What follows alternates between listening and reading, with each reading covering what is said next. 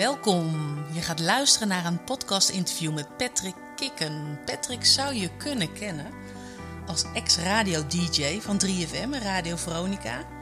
Of misschien wel van zijn podcast, dat doet hij op dit moment. Eentje heeft hij met Paul Smit, gaat over non-dualiteit en bewustzijn. En eentje heet Leven zonder stress. En hij heeft meer dan 500 interviews gedaan met spirituele leraren, coaches en psychologen. En hij heeft zelfs Eckhart Tolle mogen interviewen. Hij heeft een boek geschreven, dat heet ook Leven zonder stress. Hij gaat er van alles over vertellen. Over zijn radio-dj verleden, over zijn burn-out, over wat non-dualiteit is en wat het hem gebracht heeft en hoe hij op dit pad beland is. Bereid je voor op een eerlijk en kwetsbaar gesprek tussen mij en Patrick Kikken.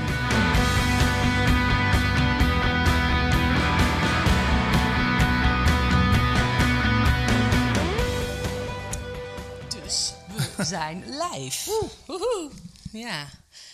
Nou, Patrick, welkom. Ja, dankjewel. Leuk dat je er bent. Ja, eens gelijk. Bedankt voor de warme ontvangst. Ja, en het ging ook zo spontaan, die afspraak.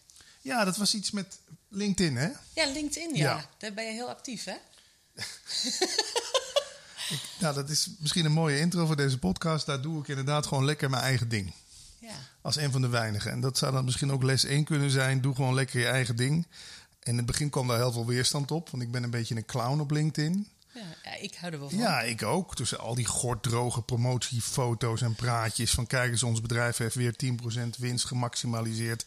Dan kom ik met een grapje over eh, corona of eh, een grapje over eh, weet ik wat, wat. Ik probeer het wel altijd een beetje werkgerelateerd te houden. Ja, ja, Dus ja, ja. LinkedIn. En toen zaten we ineens in Barneveld. Ja, het altijd gezellige Barneveld. Dus Ja, welkom. Leuk, dankjewel. Leuk. Ik vind het echt leuk om met jou te praten.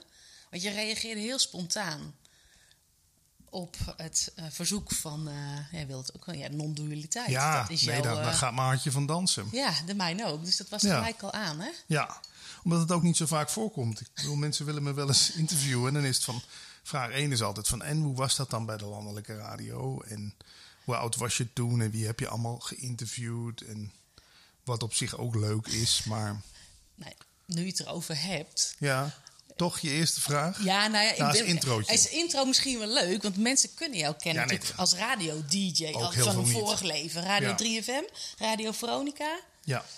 En eh, En toen? ja, en toen, toen was dat over. Ja, en wel al op vrij jonge leeftijd. Ja. Ik was 21 toen ik bij de landelijke radio terecht kwam. Nou, dat, dat- bij de Tros. En toen kreeg ik, ja, mocht ik eigenlijk alles doen wat mijn hartje me ingaf. Uh, Havermout Show, de Mega Top 50. Ik weet niet of je nog kent dat je jeugd. En toen had je eigenlijk nog niet zoveel radio in Nederland. 3F, 3FM was eigenlijk, ja, 538 kwam een beetje op in de jaren 90. Dus ik heb echt geluk gehad dat ik in 95 daar al mocht starten. En ja, wat heeft me dat gebracht?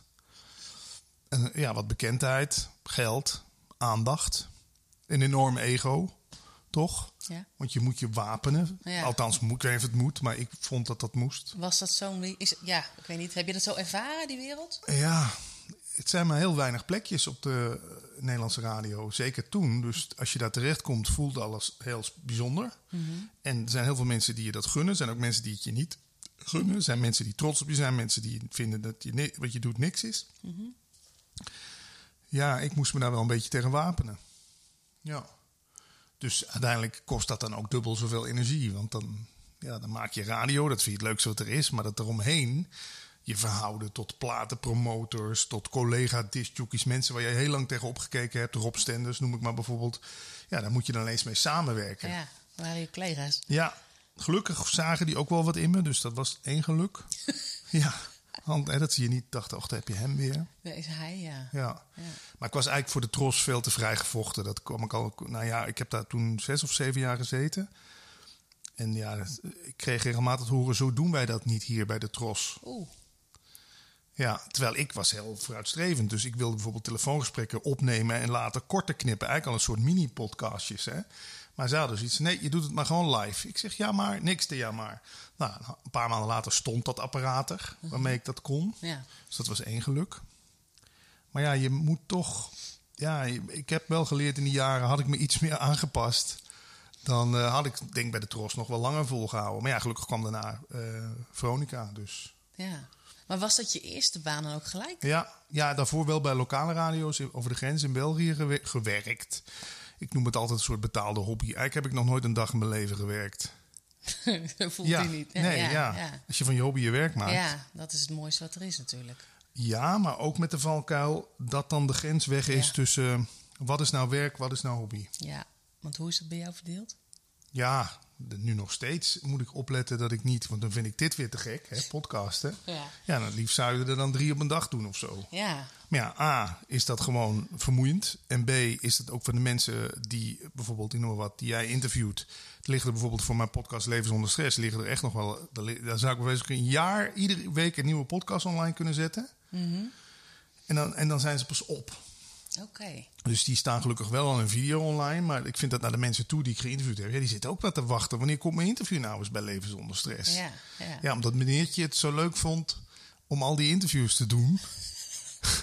ligt de hele kast vol met interviews. Ja, want je hebt volgens mij meer dan 500 interviews gedaan. Ja, ja in, in, eh, in ieder geval gesprekken. Dus ook wel met Paul Smit heb ik er samen eigenlijk Ja. al meer dan 400 gedaan. Maar daar heb je een aparte podcast Ja. mee, hè? Praat over bewustzijn. Ja, mooi. En die gaat dan over non-dualiteit. En die andere interviews, ja, ik dacht op een gegeven moment, ik moet het wat breder trekken. Ook met wat coaches gaan praten en shamanen en noem het allemaal op. Een beetje waar jij ook, eh, in de hoek waar jij ook in zit. Ja, ja. Dus ja, het, het, het, het is een soort virus wat je bekruipt. En ja, nu begint het langzaam een beetje op te drogen. In de zin van? Nou, dat ik eh, wel denk van ik ben wel een beetje verzadigd op dat gebied. Want ik heb natuurlijk inmiddels zo, ook zoveel life coaches gesproken. En nu schaar ik jou niet onder de categorie life coach. Want je bent, je bent geen meisje van 25. Dat vind ik zo grappig wat je nu ziet. Die dan net van school is. En oh, nu word ik life coach. Ja, Want ik heb een boek van Eckhart Tolle gelezen. Of ik, heb, ik ben één keer bij Tony Robbins geweest. En nu Ja. Hm. word ik ook coach. Ja, Ja. het zou kunnen werken. Ik weet niet hoe jij dat ziet. Nou ja, ik zit er eigenlijk wel een beetje hetzelfde in. Ik denk dat je, eh, ja, eh, het woord coach, iedereen kan zich coach noemen. Dat is ook wel Ja, een dingetje, want ik hoor dit heel vaak. Dus ik heb dan het gevoel dat ik denk, nee, ik ga me ook niet meer of, nou ja, verkopen of in ieder geval zeggen wat ik doe. Ik weet wat ik in huis heb, wat ik mee heb gemaakt. Mijn levenslessen zijn ook wel aardig, eh, ja, zijn pittige dingen geweest. Waarvan ik denk, nou, weet je, plus alle opleidingen en mensen, het is, gaat me doen. Nou, En, maar dat zit hem niet in een boek. Voor mij tenminste niet. er zijn wel eens mensen die tegen mij ook zeiden van... ja, waarom ga je geen coachingsgesprekken met me? Maar ik vind het nogal een verantwoordelijkheid, zeg. Want, nou ja, weet je, ik- ja, ik kan goed praten met mensen. Ik kan ook goed luisteren. Ik kan ook wel een beetje invoelen. Maar die stap naar coach... Ja, ik vind dat nogal een stap. Ja dat, Ja. Is, ja, dat is het ook. Ja, voor mij eigenlijk heel logisch. Want, maar dan heb ik het even over mezelf. Als kind zijnde kwamen mensen al naar mij toe. Voor advies. Ja. Ja. Toen Of- had ik het ineens ja, in de gaten, ja. ja. Hè, of, en dan word je ouder en dan, eh, nou ja, dan eh, krijg je een relatie of wat ook. Als, als mensen wat hadden, Ja? nou, heel... Hup naar Sil. Ja, of even bellen, weet je. Nou, nou, stil weet raad, weet ik het. Ja, ik weet het niet. Het was altijd eh, een soort van, oh, dan is het veilig of goed. En dat krijg ik nog steeds terug, dus ja. Nee, dan past dat ook bij jou. Ik, ja, misschien ooit in een, in een volgend leven. Ik, je hebt ook in Nederland radiocoaches. Oh, Hè, dus mensen die, mensen die op de radio zitten coachen. Oké. Dus van hè, simpel voorbeeld, bijvoorbeeld regel 1 in radio, ook voor podcast geldt dat. Zeg niet leuk dat jullie weer luisteren. Nee, zeg leuk dat jij weer luistert. Ja, Het is ja. één op één communicatie. Ja, ja. Nou, het zijn allemaal van die simpele trucjes. ja. En bij radio heb je dan nog 101 van die trucjes waardoor je net wat beter kunt communiceren eigenlijk. Ja. Dus verbinden. Dat zou ik misschien. Ik schrijf daar wel. Ik schrijf wel wekelijks een column voor spreekbuis.nl over radio. Dus Ja. schrijven vind ik leuk. En dat is ook een vorm van. Ja, dat is ook een vorm van communiceren. Ja, ja. Dus, nou, lang verhaal kort. Radio is dus nog steeds een passie, alleen het is een beetje uitgedoofd nu. dat doe je nu. eh vertelde je net al, hè, voor hiervoor ook al, dat je dat nu eigenlijk in een andere vorm doet. Ja. Podcasten. Je bent een soort van de, de podcastkoning van Zo heb ik het, nou, dat heb ik ooit een keer zelf als geuzennaam. Oh. Ik, PK zijn mijn initialen natuurlijk. Het Oh. podcastkoning. Ja, Want ik zag iemand anders die noemde zich de commercial koning. Gewoon als een soort geuzennaam, wat bij mensen blijft hangen. ja, is wel zo. Ja, dat is natuurlijk wel, ook in Radioland, je moet, ze moeten je ergens van kennen. Bij de radio had op een gegeven moment had ik de kreet, hey Kikker, hoe is die? Dus iedereen die belde zei altijd eerst, hey Kikker, hoe is die? Nu nog mensen die dan, hey Kikker, hoe is die? De- je verovert een soort plekje bij mensen in hun brein. In een, in een enorme waaier van allerlei discjockeys en, en coaches en podcasts moet je toch een beetje opvallen. Ja, nou, dat, uh, dat lukt. je goed, ja, lukt. toch? Ja, ja. Hey, maar nog heel even terug eh, naar het verhaal. Je bent eh, dus radio-dj geweest, maar is dat heel abrupt gestopt? Of wat is er zeg maar in die tussentijd gebeurd? Want je doet nu nou ja, wel wat je leuk vindt, maar Ja. er zit nog even tijd tussen. Ja, het begon eigenlijk een beetje te. De schoen begon te wringen. eigenlijk in. Nou, eigenlijk. Nou ja, kijk, in 2004 kwam ik bij Veronica terecht.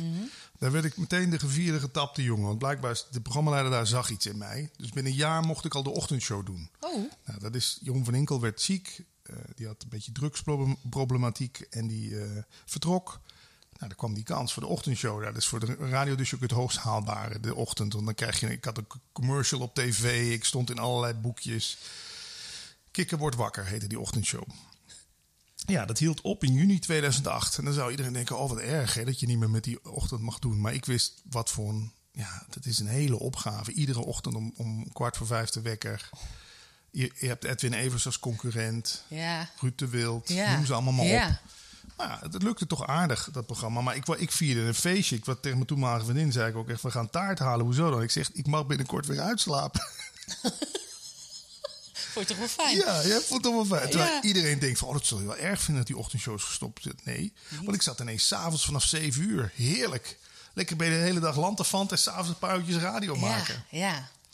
Maar ja, dat is eigenlijk al een signaal, toch? Want Ja. wil, ja, waarom zat ik dan nog op de radio? Ja, voor mijn eigen vermaak of omdat je net zo heel graag wilde? Nee, want voor mij, ik kon toch zeggen, ik heb toch het hoogst haalbare soort gehaald. Maar ja, toen was het 2008 en ik heb het toch nog volgehouden tot 2016. Dus tel uit je winst. Nog acht jaar lang toch zoekende van, nou, hoe krijg ik het weer leuk voor mezelf? ja. Hoe is dat gelukt? Ja, hoe lukt zoiets? Nou, door, voor mij door dingen erbij te betrekken. Dus op een gegeven moment kwam YouTube op. En ik denk, hé, hey, dan pak ik een stukje radio. En dan maak ik daar een animatie bij. En dan pleur ik dat op YouTube. Ja. Kijken wat het doet. Ja. Nou, dat werd, werd een oh, succes. Ik, in ieder geval, ja, dat, werd, dat was het nog niet. Dus je had, mensen gingen van een stukje radio genieten op YouTube met plaatjes erbij. Nou, dat gingen ze ook rondsturen van telefoon naar telefoon. Dus toen had ik alweer iets gevonden van, hé, hey, Dit ja, is leuk. Dit is leuk. Ja. Voor de, dit, dit maakt het voor mij leuk. Ja. Gelukkig had ik een baas die ook zei van, nou, doe maar gewoon. Want ik kreeg zelfs een keer met zo'n, hoe noem je dat, zo'n jaargesprek. Ja, zo'n eh, ja. Zo, zo'n evaluatie. uit, ja, eh, Ik- ja, beoordelingsgesprek kreeg Ja. ik een soort van, eh, hoe heet dat, excellent op social media gebruik. Dus ik dacht, nou, hè, hè, ze waarderen het. Weet je wel? Ja. Die tijd had je nog Hives, was ik ook heel Oh. druk mee. Ken je Ja. ook nog? Ja. Ik, in een vroeger verleden had ik nog kikker.com. Dat was een van, de grappigste, een van de eerste grappige websites in Nederland. Maar dat vonden ze bij de Tros helemaal niet leuk. Dus dat vond ik leuk. Bij de Tros werd je ergens op bekritiseerd. Van zo doen we dat niet hier bij de Tros. Een eigen website.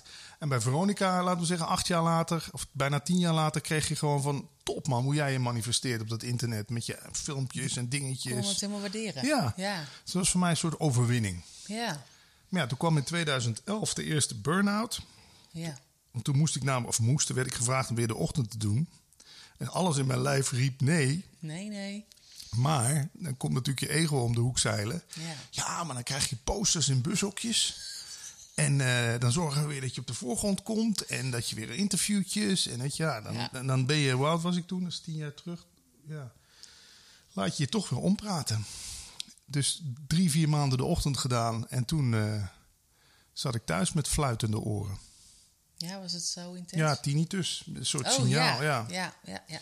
Van, want die ochtend, dat, ik ging dan s'nachts drie, vier uurtjes slapen. Overdag nog twee uurtjes. Want ik, ik blijf een avondmens. Dus ik sliep niet voor één uur. Nou, moet je om vijf uur weer op. En het, oh nee, toen heb ik het zelfs nog zo kunnen krijgen... dat het pas om zeven uur bij de radio hoefde te zijn. Maar aan alles merkte ik van ja... dit is een soort herhalingsoefening. En net, net alsof je met een... Je begint met een ex, begin je weer iets. Ja, je gaat weer even... Ja. ja. En je denkt, ja, Het is hem net niet. het is het niet. Ik ken het al. Allerlei kunst en vliegwerk. Niemand mocht ook in de studio komen. Ik had een redacteur of een producer die moest boven gaan zitten. Oh, echt? Ja, omdat ik gewoon... Ik weet niet of je dat kent, maar als het op een gegeven moment niet meer jouw ding is... dan gaat ook alles je irriteren. Teren, Ja. En je vindt alles al te veel. Dan was het bijvoorbeeld, zullen we... Nee. Zullen we die en die? Nee. Oh. Ik dacht, alles wat ik dacht... Want ik, ik, ja, ik had er gewoon niet de mentale ruimte voor Nee. of zo. Je had zoveel prikkels eigenlijk op dat moment dat het gewoon dat je het niet meer kon. Ja, ik kon het niet meer. Nee. En dan kunnen ze achteraf zeggen, ja, En ben je toegestopt met radio? Nee, nee, Nee, want ik zat, was in vaste dienst. En ja, bij de radio krijg je gewoon een heel leuk salaris. Ja, daar ben ik heel eerlijk in. En ik denk, ik ga een buffertje bouwen, weet je. Want ik, weet, ik wist ook, dit gaat op een gegeven moment Ja. echt ophouden. Mhm. Dus heb ik het toch, heb ik vier, na vier maanden weer begonnen. Eigenlijk te snel. Maar ik dacht, daar ben ik mijn plekje kwijt. Ja, Zo gaat het ja, toch? ja. Dus op vrijdagavond weer begonnen. Een beetje nacht, nachtjes voice tracken heet dat dan zo. Dan neem je dat op. ja. Maar toen, dat was ook wel leuk. Ik weet of je dat ook gekend, of mensen die een burn-out hebben gehad die dat herkennen. Dan wordt de uitdaging: ik ga mezelf terug in de wedstrijd vechten. Ja, Want je was toch van plaats 1 op de, op de hitparade, de ochtendshow, weer gezakt naar plaats 10. Eh, vrijdagavond en een nachtje. Weet je wel, je ik, dacht, ik wil weer naar die ochtend. ja, Of- ja nee, ik, wil weer in ieder geval overdag. eh overdag in de dagprogrammering. Mhm. Dus smiddags van 1 tot 4. Nou, dat is uiteindelijk met veel hangen en wurgen is dat weer gelukt. Hm. Maar ja, toen zat ik in de studio zo met, mijn- met mijn voeten zo op de mengtafel. Van ja, nu is dit gelukt. Ja, Maar vind ik het doen zelf nou eigenlijk nog wel leuk? Nee, het was weer een soort van... Kijk eens, het lukt me wel weer om mezelf terug te vechten. een ego-dingetje. Of wat? Ja, of een soort van niet je willen laten kennen. Of denken van ja, maar dit kan het toch niet zijn dat ik daar op mijn 38ste al weer, eh, dat ik dan dat de carrière over is of zo, zullen we maar zeggen.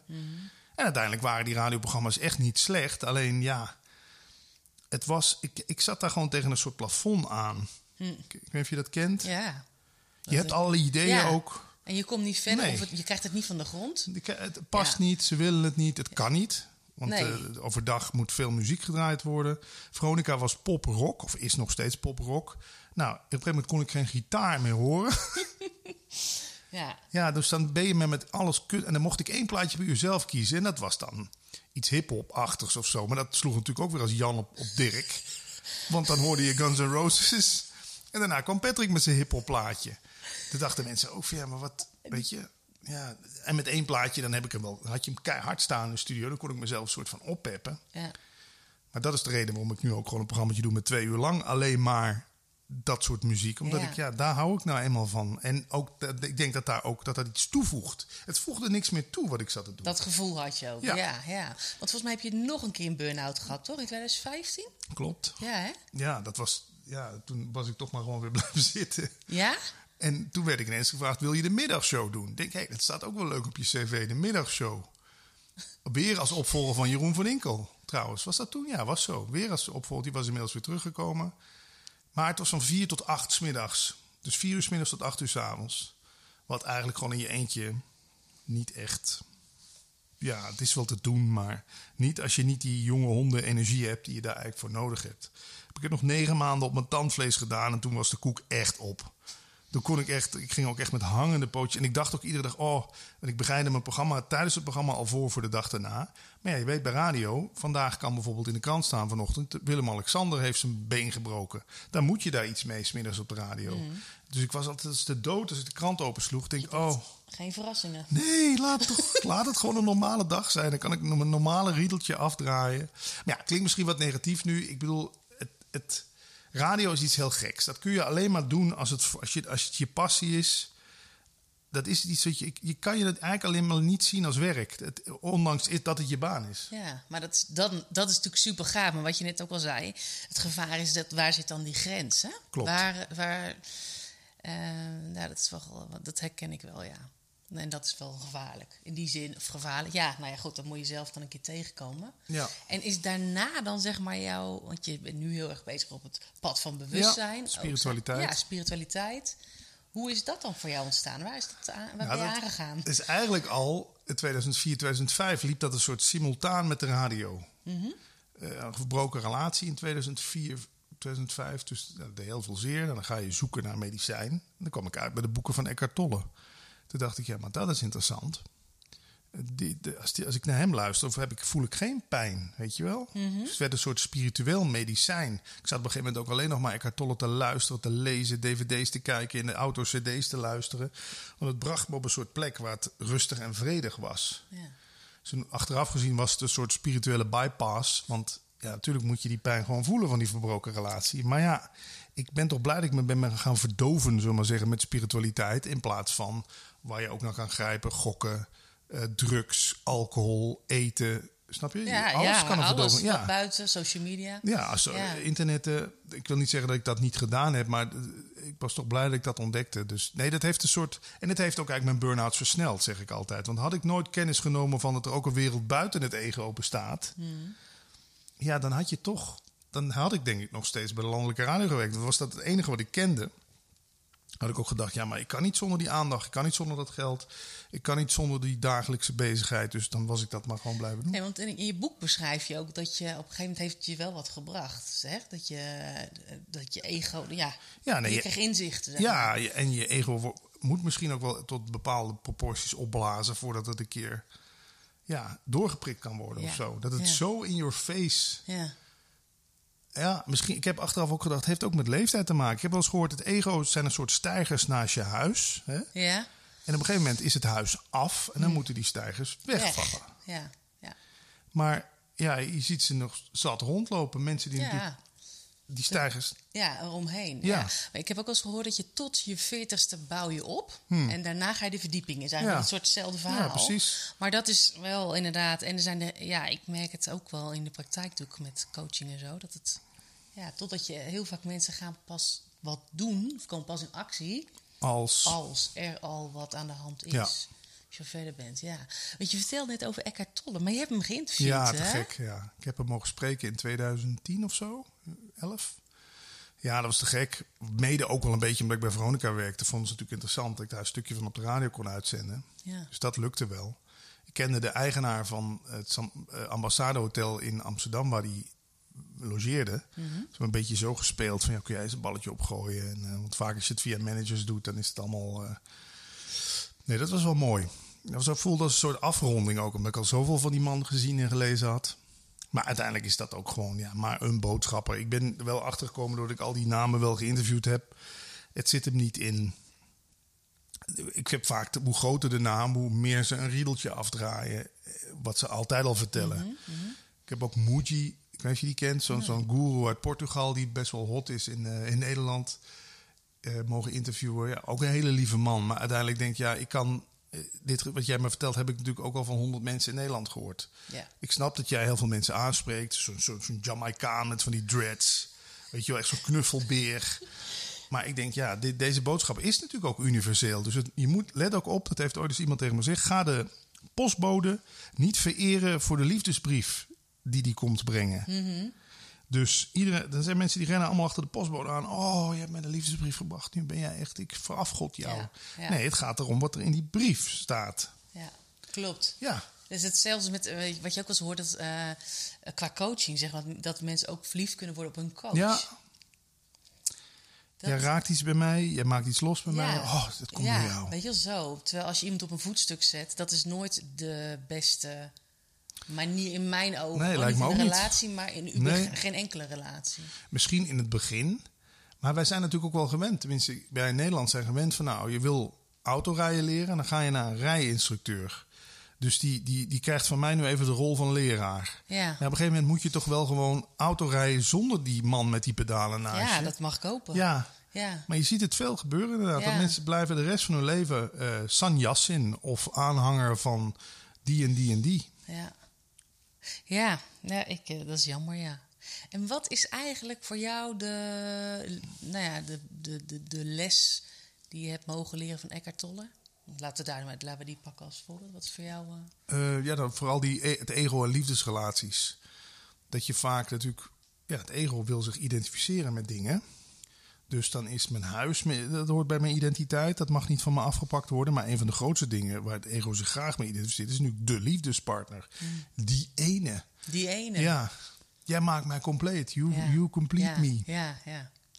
En dat dus eigenlijk de pijn die je voelt als een liefdesrelatie overgaat, niet zozeer is. Eh, tenminste, dat is hoe ik het begrepen heb. Van dat diegene bij je weggaat, maar meer de deuk die het in je ego slaat.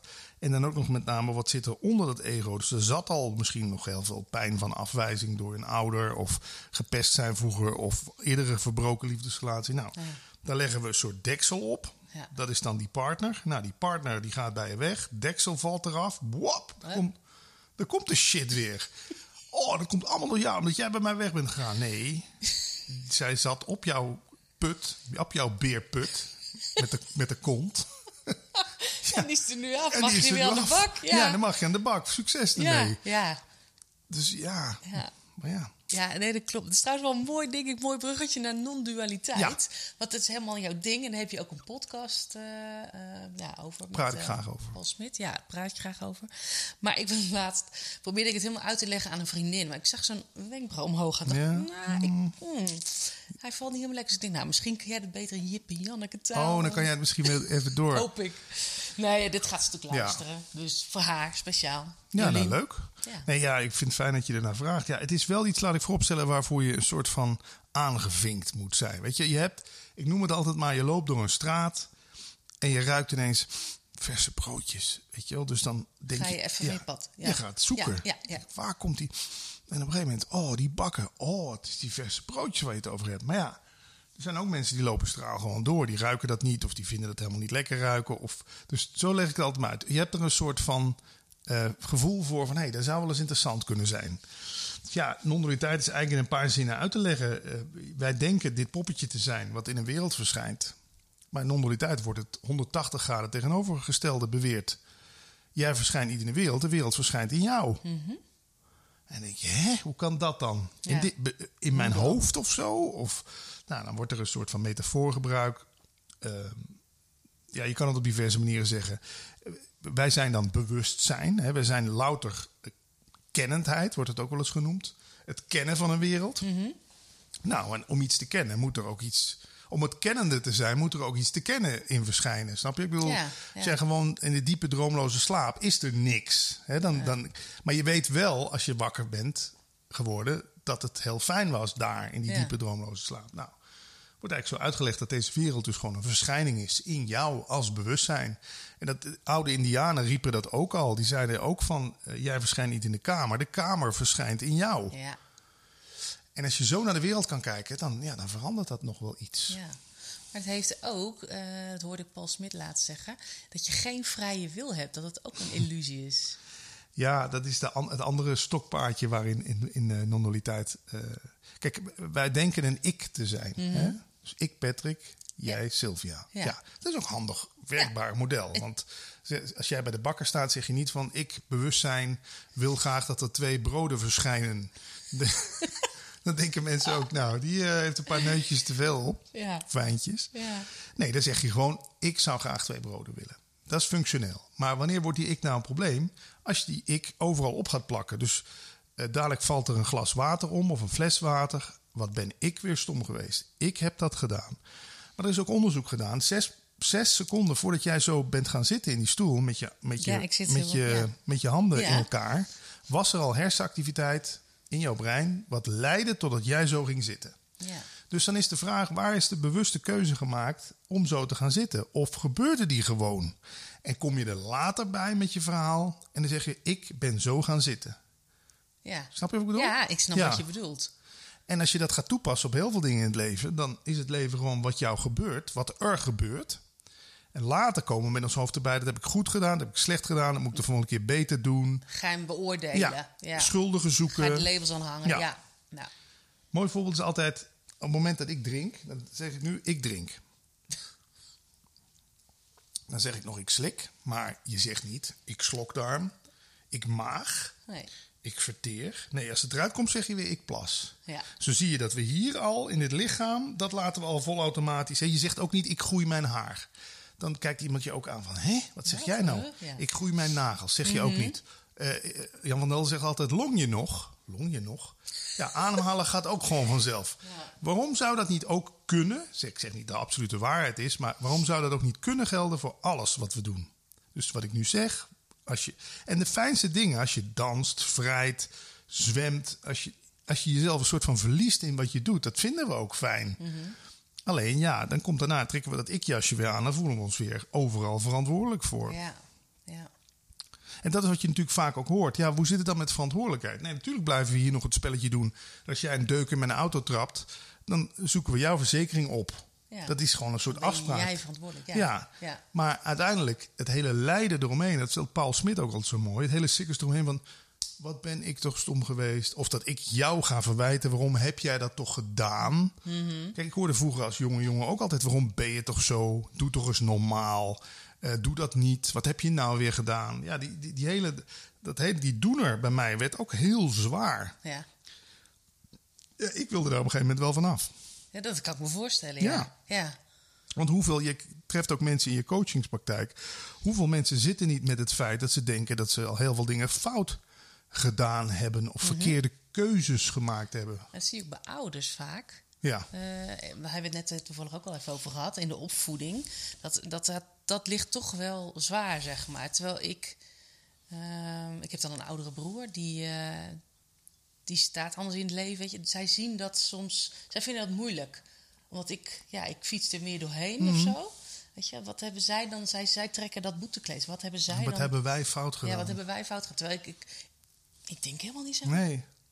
Het is misschien ook iets van vroeger nog. Ik bedoel, eh, dat geloof. Hè, dat wordt Ja. natuurlijk- we worden al bijna schuldig geboren volgens sommige geloven. Ja, maar Ja, Sommige geloven, Ja. ja. klopt, ik snap het.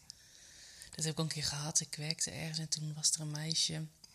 Die was van de Zware Kerk. En ik hoorde dat inderdaad. dacht ik, ja, ik ga toch eens vragen hoe zij echt dat beleven. En zeker hier waar ik kan wonen, kom je dat wel veel tegen. En dat is inderdaad zo. Die, die denken ook van hè, in hel en verdoemenis. En je moet dat verdienen. je moet de boete en het verdienen om überhaupt te mogen zijn. Ja, nou ja, die is wel heel zwaar hoor. Die voelen, die, maar als je, Ja. als je het zegt al, dan, toch? Ja. Ja, heel, ja, het- Ja. dat idee al. Maar hetzelfde wat ook wel kan helpen is denken. Kijk, we denken de doener te zijn, maar we denken ook de denker te zijn van gedachten. Mhm.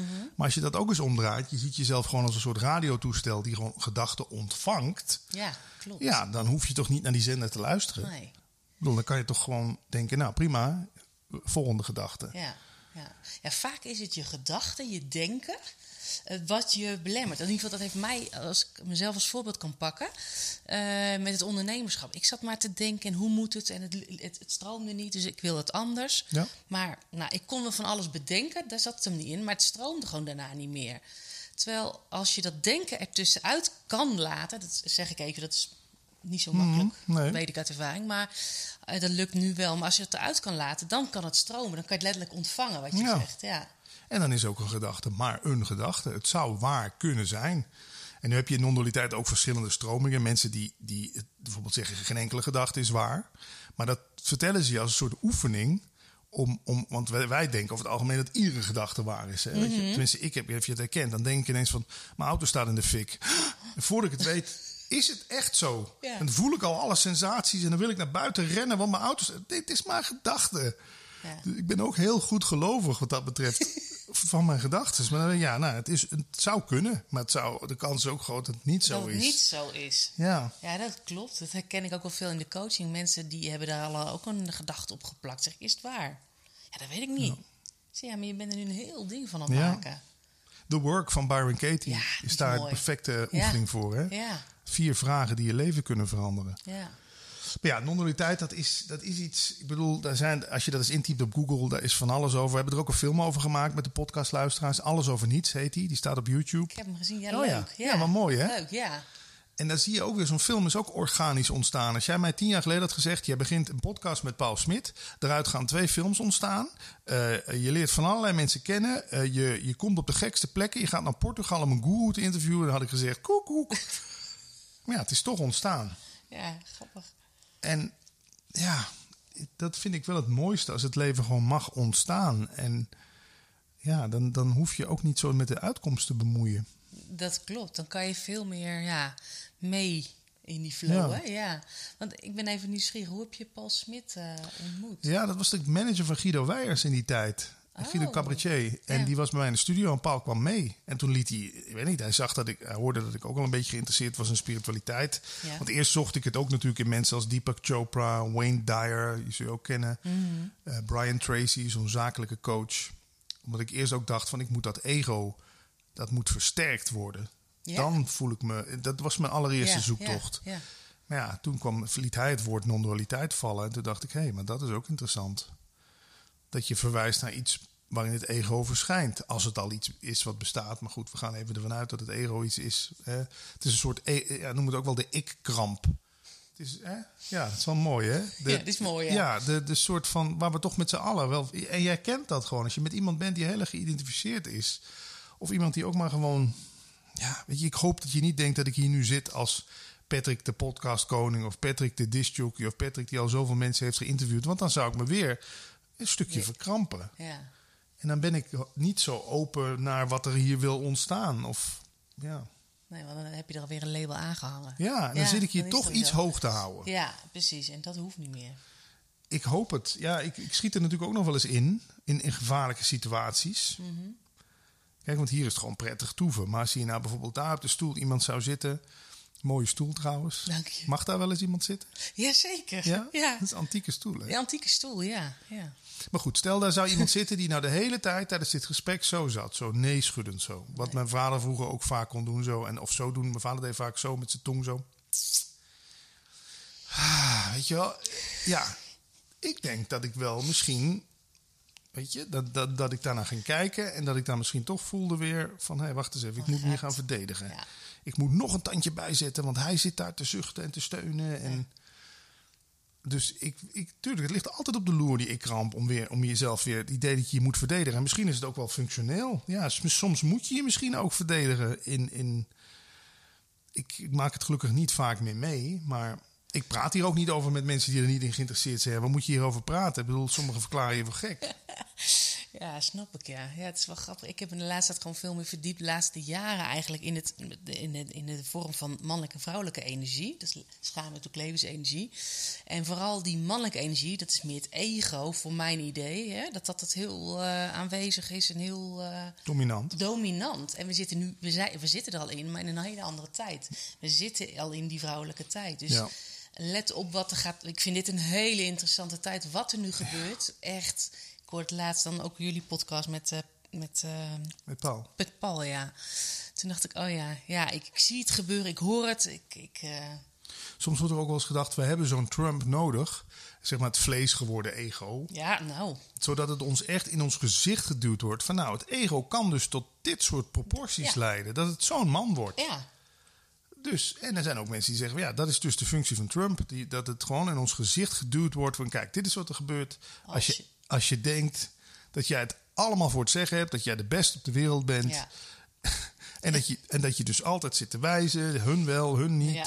Ik ben de beste. Ik, ik, ik, ja. ik, ik. Ja, ik, ik, ik. Ja, En we gaan naar wij, wij, wij. ja. Ja, ja, dat gevoel heb ik wel, ja. Het lijkt me ook niet dat die man heel gelukkig is. Want die, ja, je ziet hem op Twitter ook constant. Als iemand weer iets gezegd heeft, schiet hij weer in de verdediging. En ja, Die zit in die ego-kramp, volgens mij. ja.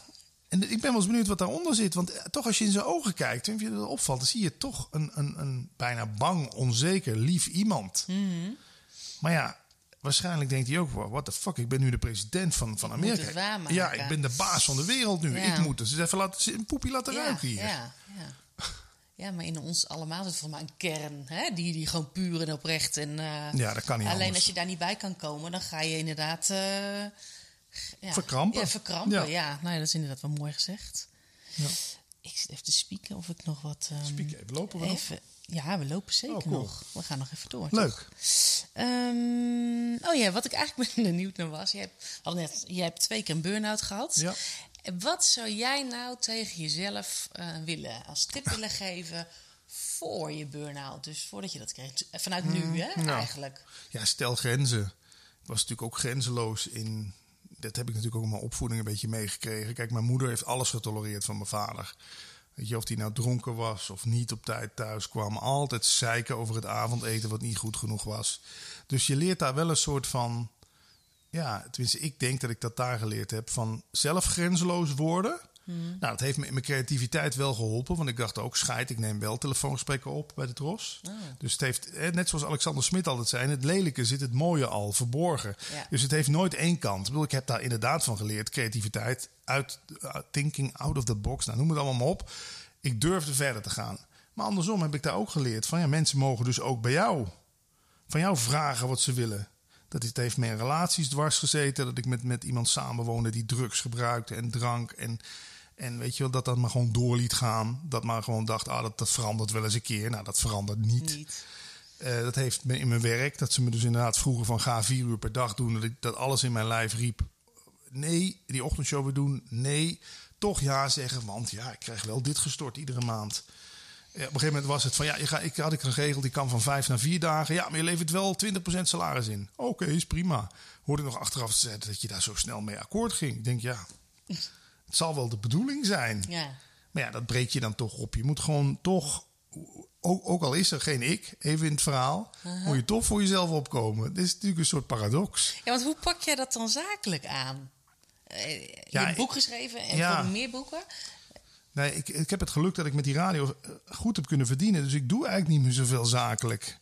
Ik, ik, het liefst doe ik gewoon dit soort dingen die, waar geld niet eens ter sprake komt. Weet je wel? We wisselen wel waarde uit. Hè? Want ik, misschien ga ik jou ook nog eens interviewen. Of ik zet, als jij dit gesprek online zet, heb ik eh, toch goed netwerk op LinkedIn. Deel ik het voor je. Krijg je ook weer nieuwe Top. podcastluisteraars. Ja, ja, maar zo werkt het. Maar dat vind ik ook het fijne aan de podcastwereld. Dat het daar niet op de eerste plek om geld draait. Nee. Maar zakelijk ben ik inderdaad Nee, daar ben ik helemaal. Ik heb, ik heb bij de radio natuurlijk wel een goed contract kunnen. Op de een of andere manier, als het ertoe komt, kan ik het wel. Maar grenzen stellen, ja, dat is toch altijd een ding geweest. Blijft een dingetje. Ja, het, ja. Ik tast wel af. Ik, ik let heel erg op met wie ik me inlaat. Ik bedoel, Ja. dat helpt ook al, toch? Dat ging hier wel heel spontaan. Ik bedoel, jij kent Ja. mij niet en toch zei je Ja. gelijk, eh, ja, ik kom en eh, leuk. Ja, omdat het ook met vrouwen heb ik op dat. Als jij een man was geweest, heb ik er misschien twee keer over nagedacht. Ja? Ja, dat is ook omdat ik natuurlijk vroeger thuis meer naar mijn moeder toe, toe trok. Het was veiliger voor me dan mijn vader, die ja. onvoorspelbaar was. Ja. En wat jij zegt, die mannelijke energie. Ja. Alsof, alsof dan toch de man wat meer op te houden heeft of zo. Mm. Ik moet toch laten zien. Oh, jij vertelt nu dat dat zo zit. Nou, dan ga ik eens vertellen hoe ik erover denk. Ja. Ja, klopt. mag. Maar, ja. Ja. maar wat dient het, het gesprek? Ja, ja. Ja, dat is wel eh, een interessant gegeven, ja. En zeker nu ook in bedrijven waar je ziet waar, hè, heel veel sales eh, die heel anders eh, ja, op de oude structuur Ja. gebouwd zijn. Dan ben ik gewoon benieuwd wat, wat het in de toekomst gaat brengen. Want jij bent van het vrouwelijk leiderschap, heb ik begrepen. Ja. ja.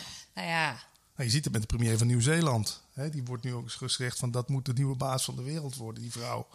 ja, Ja. Ik, ik denk, maar dat is niet dat ik het zo wil of zo, maar ik geloof wel dat, dat er ook wel veel meer vrouwen op bepaalde posities komen te zitten. Ja.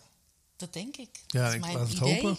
Nou ja, eh, niet dat dat moet, want, eh, maar de- dat er nu dingen, er moeten nu, er gaan nu al dingen anders. Ja. We kunnen niet anders meer. Nee. Dus dat, ja, Ja. dat verandert. Nou ja, ik, bij- dan zeggen ze mensen, ja, Hillary Clinton, was dat dan? Ja, weet ik niet. Ik heb er Nee. een documentaire over haar gezien, maar Ja. ik denk in ieder geval alles beter dan Trump, toch? Ja, dat denk ik ook, ja. Ik ga even kijken of ik jou nog, eh, want ik had een spiekbriefje. Ja, is goed. Mm, mm, mm. Ja, we hadden het net nog eventjes over ehm, dat je zei, ja, die kramp van het ego. Je schiet er wel eens in en hopelijk ook weer snel uit. Om meer in het nu te zijn. Mhm. Heb je daar tips voor hoe je dat doet? Of hoe je dat hebt gedaan? Of hoe je jezelf kan nou, herpakken? Dat Mhm. klinkt misschien stom, maar... Ja, een kwestie van aandacht verleggen. Hè? Ik bedoel, als je je aandacht zeg maar... ik- Iemand zegt wel eens uit je doppen kijken. Dus weet je, er is hier nu feitelijk zat te beleven, weet je wel. Ik, ik zou... Ik, als kind zou hier een half uur rond kunnen kijken en had allemaal dingen gezien. Heb je mijn Oh. wc nog niet gezien? Nee, ook ja, helemaal van orde. Ik zou even plassen. Ja, ja. Maar daar een uil en oh, dat is een mooi beeldje. En dat koffer daar. En oh, en eh, de uitzicht. Oh, het is een beetje bewolkt. En weet je, maar zodra je met je aandacht naar binnen gaat, dan is het van ja, maar wat vind ik van die stoel? Of wat vind ik van dat het nu een beetje bewolkt is? En je gaat steeds meer die ik als een soort abstractie zien. Als je de ik uit het verhaal haalt, ben je automatisch in het nu. Want, want de twee favoriete speeltjes van het ik zijn tijd en geld. Dus de ik van mij is natuurlijk heel gefocust op die klok daar. En nou ja, nu komt hier geen geld ter sprake. Dus dat speeltje geld is hem al uit zijn handen geslagen. maar hij zou, ik, mijn ik, ik zou natuurlijk kunnen zeggen: wat, hoe lang duurt dit nog? Of eh, wanneer komt dit online? Is altijd bezig met what's in it for me. Terwijl, ja, hier weet je wel, hier lekker zitten en, en een beetje genieten van de.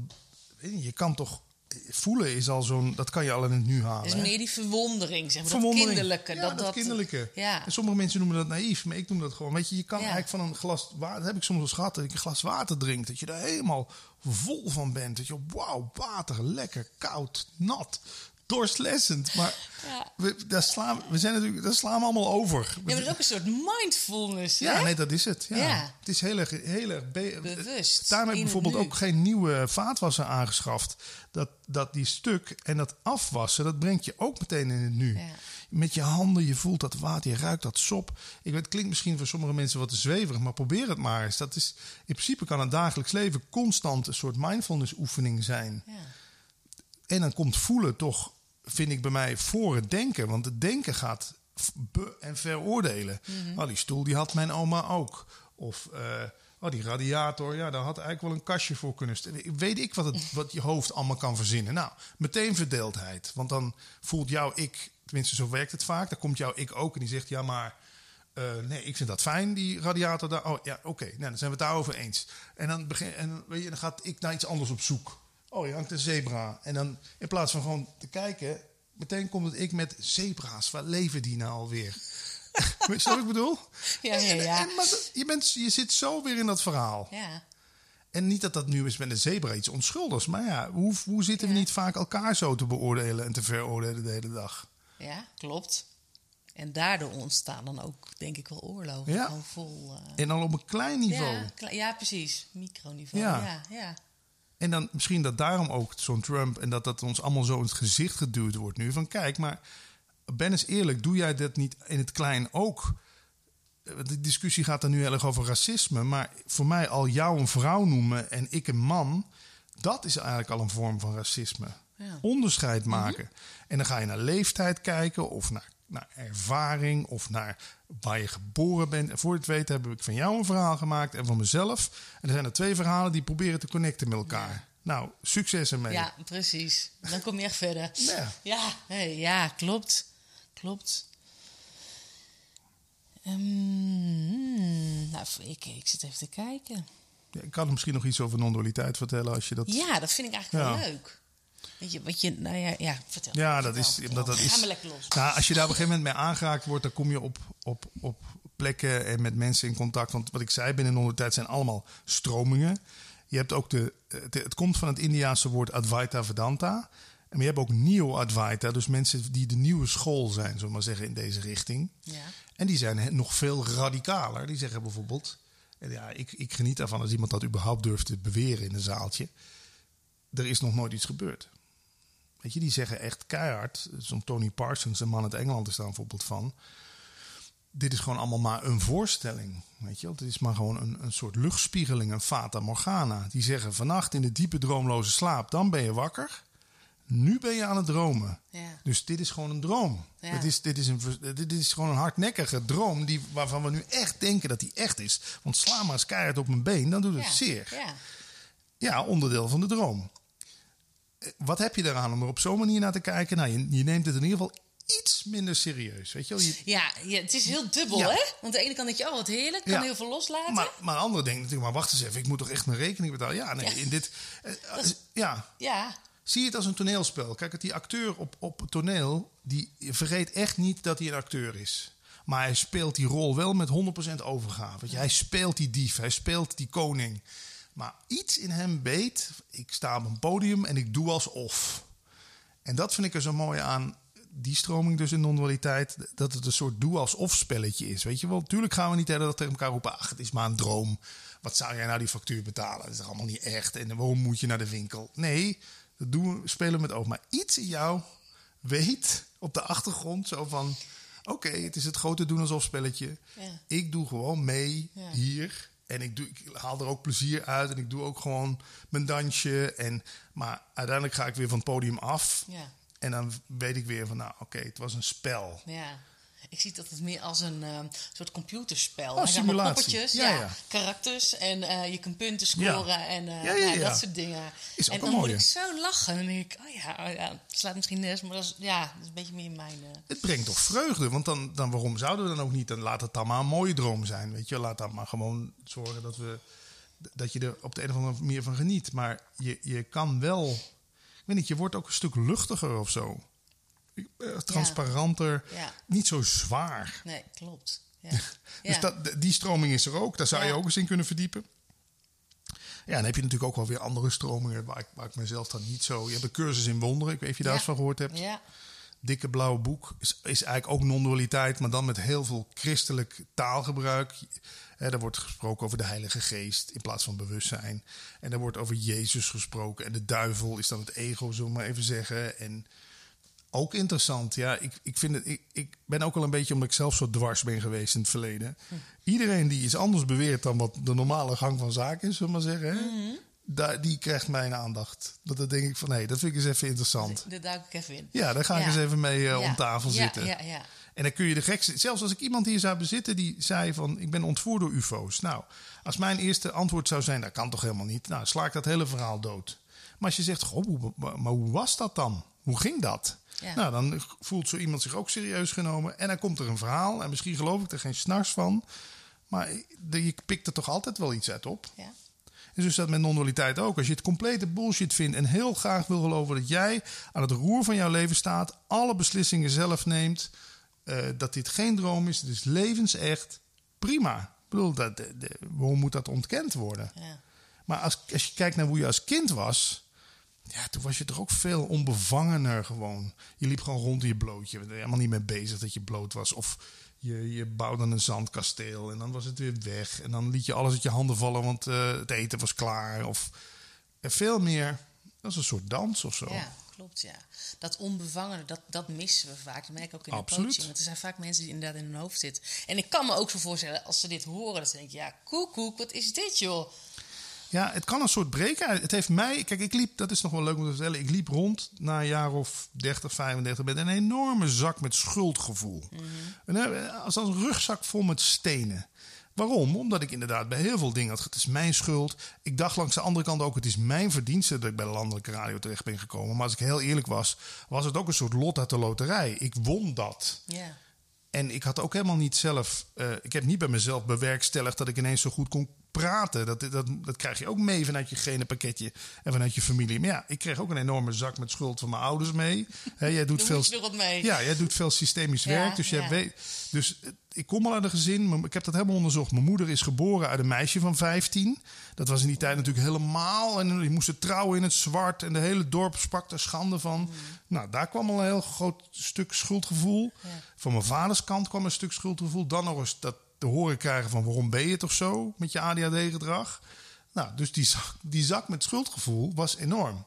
Als dan een filosofie voorbij komt die zegt van... je bent niet schuldig, want er is geen schuldige. Je Ja. bent niet te doen van wat er gebeurd is. Dingen gebeuren gewoon, spelen zich gewoon af als een soort Juist. toneelstuk. ja, Hè, Ja. nou dankjewel. Kan ik even, ja. even die zak weg. Ja, ja. Dus als het dat voor je kan bewerkstelligen, bedoel, dan hoef je nog niet de hele dag dansen door het leven te gaan te zeggen van eh, ik besta niet of eh, die ik is maar een verhaal. Kijk, kan namelijk ook weer een, eh, hebben ze ook een naam voor, de Advaita Shuffle, een soort uitvlucht worden, dat je op de bank gaat zitten zo. Nou, alles komt toch aanwaaien. dus die baan. Nee, ik hoef niks meer te doen. Die baan en die relatie, dat waait vanzelf wel deze kant op. Nee. Kijk, feitelijk komen natuurlijk ook wel dingen jouw kant op, maar het, het is niet de bedoeling dat je maar gewoon een soort luiwammers wordt. die denkt het leven is toch wat er gebeurt. Dus waarom zou ik mijn tuintje doen? Of waarom zou ik mijn wc poetsen? Ja. Daar komt wel iemand voor. Ja, ja, dat zou leuk zijn, Ja. hè? Nee, maar zo werkt het dan net weer niet. nee, oh ja, soms moet je er ook doorheen. Ik heb daar ook een jaartje in gezeten. Mijn ego vond het in eerste instantie natuurlijk wel prachtig. Van om te horen, niet om te horen dat die, dat die eigenlijk feitelijk niet bestond. Maar wel om te zeggen van ja, alles is toch wel geregeld voor je. Ja, zo, weet je het komt wel goed. Ja, het komt wel goed. Daar Ja. komt het morgen wel. Ah, ja. Ja, het is, zoals je merkt, ik kan hier uren Ja. over vol praten. Als je het een keer op, op Google intypt, non-dualiteit, er zijn bijeenkomsten, er zijn eh, films. Ze hebben eh, satsangs, ik weet niet of je dat ja, woord kent. ken ik, ja. Bijeenkomst in waarheid, heel gewichtig. Maar dat zijn gewoon gesprekken hierover. En, en feitelijk wijzen ook heel veel religies hiernaar. Dat vind ik ook zo mooi. Ja, maar het komt heel veel op hetzelfde Alles, neer. ja. Ik heb het zelf ontdekt doordat ik steeds... eh, Nou ja, dat was wel grappig. Allemaal boeken, filmpjes, gesprekken... En ineens dacht ik, ja, ik voel dat het bij elkaar hoort. Ja. En het, zijn, het leken allemaal puzzelstukjes. En ineens was ik op een workshop en eh, ineens werd die puzzel voor mij gelegd. Dus doek, doek, doek, doek, al die kwartjes vielen zo Hoe in cool, elkaar. Ik dacht, wow. En ik wist het. En nu ga ik daar ook wel meer mee doen. Ook een opleiding dan. Want dat, ik, dat is gewoon mooi als je daar mensen mee kan helpen. In ieder geval in die zin dat die ballast eraf Ja. kan. En dat je lichter door het leven kan. En het hoeft echt niet zweverig te zijn, maar gewoon, Ja. ja, dat, die, die mag er af. En ook zien dat liefdesrelaties bijvoorbeeld, dat zegt Eckhart Tolle zo mooi. Je vroeg me daar straks wat ik van Ja. hem geleerd heb. Ja. is me bijgebleven. We zijn allebei een soort spiegels, hè, waar Klopt. vlekjes op zitten. Ja, Nou, wat is het primaire doel van een liefdesrelatie volgens Eckhart Tolle? En daar geloof ik wel in. Om bij elkaar ja, die, dus die eh, plekjes weg te poetsen op de spiegel, die vlekjes, weg ermee, zodat het liefde die jij bent gewoon er doorheen kan stralen. ja. Wij denken dat liefde iets is wat je van de ander kan krijgen of zo. Maar dat, nee, het is toch geen ruilhandel? Het is gewoon, jij bent lief, ik ben lief. Eh, eh, In essentie Ja. zijn we allemaal liefde. Alleen daar zit gewoon bij sommige mensen een hele dikke laag modder voor. klopt. Ja, en als je het zo kan zien, dan is dus een liefdesrelatie waarin bonje is of waarin dingen pijn doen. Ja, niet weer naar de volgende vluchten, want die, dan blijft die spiegel nog steeds vol met vingervlekken. Ja. Ja, heel veel ja, die durven ook niet in die spiegel te kijken. En ik Absoluut. wel zonde, gemiste kans. Want juist daar zit Ja, je groei. ja. Maar daar eh, kun je wel... Dus ja, als je van Eckhart Tolle iets moois wil zien, wat mij wel echt geholpen heeft, ik hoop dat hij nog tweedehands te krijgen is, of misschien nog op bol. eh, de Vindhorn Retreat. Ja, Dat is een dubbel DVD met een boekje erbij, Nederlands ondertiteld. Het is echt twee keer eh, twee uur of zo, dus daar ben je wel even zoet mee. Maar ja, daarin legt hij haarfijn dat soort dingen uit over relaties, over ego, over schuld, over angst. En niet dat je daarna denkt, ik heb, want dat dacht ik in het begin ook, hè, oh, dat is een quick fix, die spiritualiteit. Uiteindelijk zul je natuurlijk toch nog door stront heen moeten, om het maar even zo plat Ja. te zeggen. ja je moet toch je, je, Ja. je stukken opruimen. Ja, en voelen en dan maar eens verdrietig zijn en dan maar eens down. Spiritualiteit is geen, wat ik in het begin ook dacht, medicijn. Dus je voelt je wel heel fijn als je dat kijkt. Maar het raakt dingen aan. Ja, en daarna komt eigenlijk pas het echte werk, om het zo te noemen. Maar ja, ik, ik had het toch allemaal niet willen missen. Ik bedoel, het, het- en ik heb het ook onderzocht. Het zit ook weer in je genen. Mijn, de vader van mijn vader, die wilde al theologie gaan studeren. Dus die was al op een soort zoektocht. Kon niet, want zijn vader stierf en hij moest voor het gezin gaan zorgen. Maar het heeft een soort generatie overgeslagen, dat waarheid zoeken. Maar uiteindelijk kan ik hier ook weer geen claim op leggen dat, dat, dat ik dat bedacht heb. Dat ik me maar eens in spiritualiteit moet gaan verdiepen. Want nogmaals, als je mij dat tien jaar geleden had gezegd, of iets langer, vijftien jaar geleden, had ik ook gedacht: ja, koekoek. Ik zit toch prima hier bij de radio met mijn aandacht en mijn, eh, en mijn geld. Ja. En zijn er dan nu nog dingen voor jou die jij wil doen op dit gebied? Ja, dat is een goeie. Ja, ik ga vol- volgende week toevallig een paar dagen het klooster in. Oh, waar? Ja, in, in eh, Vught. Oké. Het Zinklooster heet dat. En daar wordt een soort workshop rondom een cursus in wonderen gegeven. Omdat ik dat, ja, die, ik, weet, ik weet niet of je, ja, dat heb je ook wel eens gedaan, die groepsdynamica, dat werkt natuurlijk ook. Ja, dat is Eh, mooi. ja, want je kan natuurlijk blijven lezen tot je non weegt. Je kan filmpjes blijven kijken, maar ga het maar eens aan. Durf maar eens kwetsbaar te zijn in een groep met acht mensen in een klooster waar je vroeg op moet. En ja, ik zie er wel, langs de ene kant zie ik er een beetje tegenop. Tegen het vroeg staan. Ja, dat. Ik ben ook een nachtmens. En, maar, en langs de andere kant zo'n hele dag met een groep. Nou, nu met die corona, dan krijg je natuurlijk ook weer een beetje... Ja, gaan we elkaar wel of niet? eh, Ja. Want meestal wordt er van ook nog gehukt op het laatst. Weet ik het. Maar dan denk ik ook wel weer, ja, fuck it. Weet je, eh, dat zul jij ook kennen. Ik heb ooit wel geleerd op het moment dat het je of angst inboezemt... of je ziet er tegenop, je doe het juist. Ja. Want daar zit je groei. Ja, angst, eh, schaamte, schuld of wrok. Wrok. Als je daaraan voorbij kan komen, zoals je zegt, als je hem aangaat, dan daar zit je groei Ja, altijd. Ja. Want ik had laatst ook een heel mooi gesprek met een vriendin van mij, die had met, eh nou, gedoe met haar partner. Eh, en toen zei ik, ja, ga maar aan. Dus kijk maar als je van, nou, Ja. ik zei, ja, ga maar aan, want juist daar zit je groei. Ja. Kijk, ik, ben ook, ik heb ook geleerd, ik kom uit een katholiek nest. Eh, als er ruzie was, was het eerst "Shh, de buren. Weet je, de deuren moesten dicht. Oeh, ja. Oké. En daarna was alles, werd alles onder het tapijt geveegd. En dan kwam mijn moeder. Standhandje. Wilde nog iemand koffie? Je hadden net knallende ruzie gehad. Wilde nog iemand koffie? Nee, ik wil gewoon hier praten over wat er net gebeurd is. Ik wil dit uitpraten. Ja. Niet wilde nog iemand koffie. Hier Ja. heb je je koffie. Ja. Dus ik, ik, ik hou er ook wel van inderdaad gewoon duik er maar in, weet je wel. Laat het maar knallen. Want Ik was vroeger bij ons thuis, werd alles onder het tapijt geveegd. Patrick was weer degene die ontplofte als een soort bliksemgeleider. Ja, dan, maar dat was in energie ben Ja, je dat ben dan je dat ook. ook. Ja, dat klopt. En dan vloog de bak met pudding weer door de, door de kamer, weet je wel, eh, tegen het plafond aan. Ja, oh, wat doet hij nou weer, weet je wel? Nee, Ja. jullie zitten hier met z'n drieën Ja. Allemaal bang te zijn dat pa weer eh, dronken is en het ieder moment kan ontploffen. Nou, iedereen zit zich in te houden. Ja, en jij, ja. Patrick blijkbaar niet. Die- Hebben ze ontsteken. Ja, ja. Poef. Boom. en dan wordt dat dan maar gezien als... oh, eh, zo- ja, want mijn vader, mijn vader ook niet gezegd heeft... jij gaat bij Jaapie wonen. Ja, Ja, precies. Daar zijn we inmiddels achter. Dat was iets uit een tv-commercial uit zijn jeugd. Oh. Waarin gezegd werd, als jij, niet op, als jij niet oppast... ga jij bij Jaapie wonen, ga je uit huis. Word je uit huis geplaatst. Ah, ja. Maar ja, dat sla je als kind natuurlijk ook op. Ja. Dat je een soort onhandelbaar... Nee, nee, dit systeem hier, deze Juist, familie is... Juist. Ja, en, eh, maar dat is vaak toch ook het zwarte schaap in de familie... Is degene die het meeste voelt. Klopt.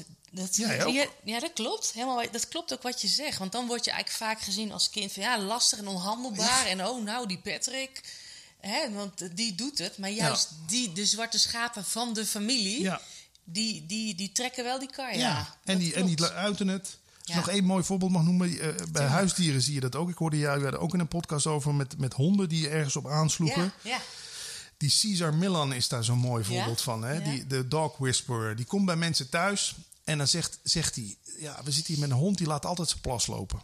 Ja, oké, gaan we dat eens onderzoeken. Nou, lang verhaal kort, kwam, kwam het er dus op neer... Die man was altijd aan zijn, aan zijn motor aan het sleutelen. En dan liet, liet die hond liet zijn plas lopen. Waarom? Omdat die vrouw baalde dat ze niet genoeg aandacht kreeg. Dat die man altijd met zijn motor bezig was.